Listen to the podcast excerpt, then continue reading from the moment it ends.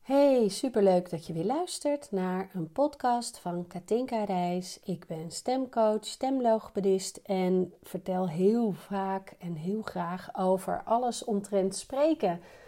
Hoe kan je nou een interessante podcast maken, bijvoorbeeld? Ik was net de gast in de Podcast Academy van Mirjam Hegger en dat vond ik echt superleuk. En daardoor kreeg ik weer inspiratie om ook eens een podcast te maken over de stem en spreken als je een podcast maakt. Ik ga eens eventjes uh, bedenken wat ik nu vertellen ga. Dat is grappig, want je zou denken bij een podcast ga je eerst bedenken wat je wil vertellen. Dat doe ik ook altijd. Maar toch ga ik meestal gewoon kletsen, omdat het dan het meest natuurlijk wordt. Dat was namelijk een vraag. Um, schrijf je het uit? Oefen je het? En hoe wordt het dan een beetje een natuurlijk verhaal en niet dat je het voorleest? Nou, ik vind oefenen ontzettend belangrijk in de zin van je eigen maken. Dat, dat je kan praten op een natuurlijke manier. Dus wat ik me nu voorstel is dat een van de mensen die net naar me zat te luisteren in de masterclass nu ook luistert naar deze podcast. En als je wil weten wie je dan het beste in gedachten kan nemen, dan moet je dat eens uitproberen. Als ik namelijk uitprobeer dat mijn vriend zit te luisteren, ga ik anders praten dan als het iemand is die ik niet zo goed ken. Ik vind dat laatste vaak heel fijn werken. Dus stel je voor dat er iemand luistert die je niet zo goed kent, maar die ontzettend geïnteresseerd in, in jou is en alles wil weten wat jij te vertellen hebt of heel veel van jou wil leren of zich heel erg wil laten inspireren door jou. En dat vind ik altijd heel erg goed werken. Dan ga ik ook op een manier spreken die een beetje tussen teachen en gewoon inspireren, kletsen inhangt. En dat is denk ik bij een podcast, als je echt iets wil overbrengen, wel handig. Als ik teach, klinkt mijn stem ook wat steviger en wat lager.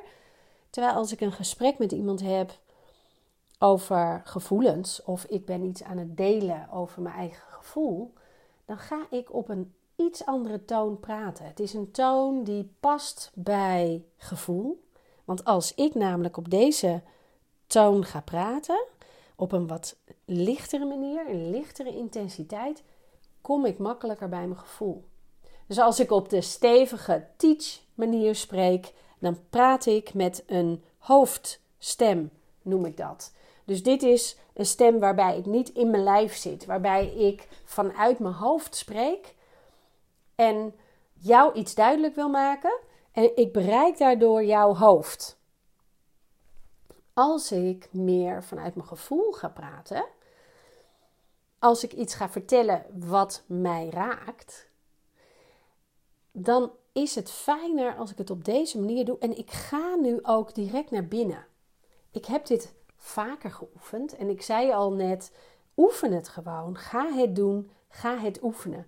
En door te oefenen ga je ook ervaren hoe werkt dat dan met die stem. Dus als ik nu aan iets ga denken wat mij raakt. Bijvoorbeeld wat er gaande is nu in de maatschappij dan kan ik vanuit mijn hoofd gaan vertellen wat ik er wel of niet van vind. Dat is misschien wat ik gelezen heb, of dit zijn de statistieken. Hè, dat past bij een stevige hoofdstem. Maar als ik er naar mijn, naar mijn hart ga, naar mijn intuïtie, naar mijn gevoel, en ga vertellen wat ik er echt van vind, hè, dat mensen uitgesloten worden, of het nou de een is of de ander, of de, de verdeeldheid. Eigenlijk is de verdeeldheid iets waar ik verdrietig van kan worden, wat me raakt. En hoe het nou komt, maakt het eigenlijk niet uit voor het verhaal van mijn gevoel. Verdeeldheid, dat mensen ruzie maken, dat is eigenlijk van jongs af aan al, als, als er iets gebeurde in mijn omgeving, eh, als, als er mensen, als mijn ouders ruzie hadden, of als ik ruzie had met mijn zus, of uh, op school, dat er kinderen met elkaar ruzie hadden, dan voelde ik me ontzettend naar. Dat, dat trok ik me heel erg aan. En als het op school was of met mijn ouders ging ik bemiddelen. Dan ging ik uitleggen aan de een waarom die de ander bijvoorbeeld niet begreep. En hoe diegene het dan bedoelde. wat er nu gebeurt, is dan ook weer als ik meer naar mijn gevoel ga, ga ik mijn stem op een lichtere manier gebruiken. En dan gaat er ook wat meer slijm kriebelen, waardoor ik de neiging heb om te kuchen. Dus dat is wat er kan gebeuren als je over gevoel praat. En er komt een andere trilling in je stem. En dat gaan mensen ook horen, maar, maar eigenlijk waarnemen met hun gevoel. En dat vind ik het mooie bij spreken. in alles zit een trilling, een, een energietrilling. En die breng je over. Dus ik weet zeker dat je met zo'n verhaaltje over, over voelen, over je gevoel, dat je anderen weer aanzet om na te denken: hoe heb ik dat eigenlijk gedaan vroeger? Hoe denk ik over verdeeldheid? Hoe ga ik om met mensen die elkaar niet snappen? Hoe trek ik me dat aan? Hoe trek ik me het wereldleed aan? En dan doet mijn stem wat met jou. En dat is dan een trillings, een frequentie, een vibe in mijn stemenergie. Zoals alles energie is eigenlijk. Nou, hoe werkt het nou met de stem? De stembanden trillen tegen elkaar. En als ik praat zoals nu, trillen ze over de hele massa stevig tegen elkaar, waardoor mijn stem wat luider en steviger klinkt. Nou, wat ik nu gedaan heb in het vorige zinnen is meer op een teach manier. Ik leg je wat uit en dat komt bij jou over. Wat ik ook kan doen is iets op deze stevige manier vertellen als ik een punt wil maken, maar ook als ik de beurt wil houden. Als ik niet wil dat jij me in de reden valt, weet je. Ik ben gewoon een beetje aangedaan hierdoor, door de hele situatie. En dat beïnvloedt me. En ik wil nu eigenlijk alleen maar mijn mening verkondigen, niet naar jou luisteren. Hoor je dat? Hoor je dat, hoe ik dat erin door, nou ja, uh, laat klinken? En dat is ook weer een soort iets wat we waarnemen met onze gehoor, hè, echt, en maar ook de energietrilling die in de boodschap zit. Nou, het is heel fijn als je die twee manieren een beetje onder de knie hebt, zodat je er ook mee kan spelen. En wil je nou het afwisselend houden in je podcast, dan is het fijn dat je deze manieren afwisselt. Dat je dus de ene keer wat steviger praat en de andere keer wat meer zachter. En daardoor is het afwisselend. Want anders wordt het saai, monotoon, op één toon. Dat wil je ook niet. Er mag wat variatie in zitten. Dus zo kan je ervoor zorgen dat je podcast meer beluisterd wordt. Dat mensen uh, blijven hangen. Dat, de, dat, het, ja, dat de luisteraar geïnteresseerd is en denkt: hé, hey, dat is iemand die vertelt altijd een boeiend verhaal. Daar wil ik naar blijven luisteren. Het is boeiende inspiratie of informatie. Hè, dat hangt van je podcast af. Maar de afwisseling in hoe je spreekt en ook de intonatie die je gebruikt, die maakt dat mensen blijven luisteren. De afwisseling, de stiltes laten vallen. Hoor je dat ik dat doe? En dat kreeg ik net ook als vraag, namelijk: hoe krijg je de interactie als je het in je eentje doet? Ik doe dus alsof ik tegen diegene die dit vroeg praat, zoals ik nu doe. Zo vertel ik mijn verhaal. En zo zoek ik ook die interactie op. Hoor je dat, wat ik doe? dus ik stel jou ook echt een vraag als luisteraar. Want ik, ik wil dat je hierover nadenkt. Dus de intonatie van je spreken, de afwisseling in hoog en laag, zorgt ook dat het boeiend blijft. En door dat te oefenen met bijvoorbeeld een kinderboekje, lezen en heel overdreven lezen wat daar gebeurt, wat daarin staat. En dan, door dat heel overdreven te doen en iets af te zwakken, kom je in een intonatie die boeiend is, waardoor mensen blijven luisteren. Als ik het op één toon doe, dan doe ik het op deze manier. Dat is hoeveel mensen praten. En dan zit er af en toe aan het eind van de zin wel even een verandering van toon in. Dan ga ik bijvoorbeeld even naar beneden. Maar dit is wel een wat saaier verhaal. Voor mij voelt dit ook saai. Dus ik denk dat de energietrilling die ik nu weer overbreng op jou als luisteraar ook is dat je denkt: ik hoor wat kraakjes, de energie is niet goed achter mijn stem. En als ik wat meer energie in mijn lijf ga gebruiken, klinkt het anders, klinkt mijn stem helder en krijg je meteen ook een andere energie mee als luisteraar.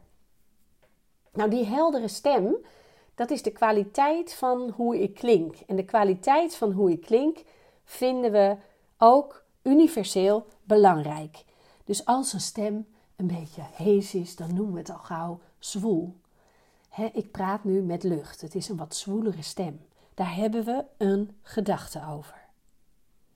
En als mijn stem wat steviger is, komt dat weer anders op je over.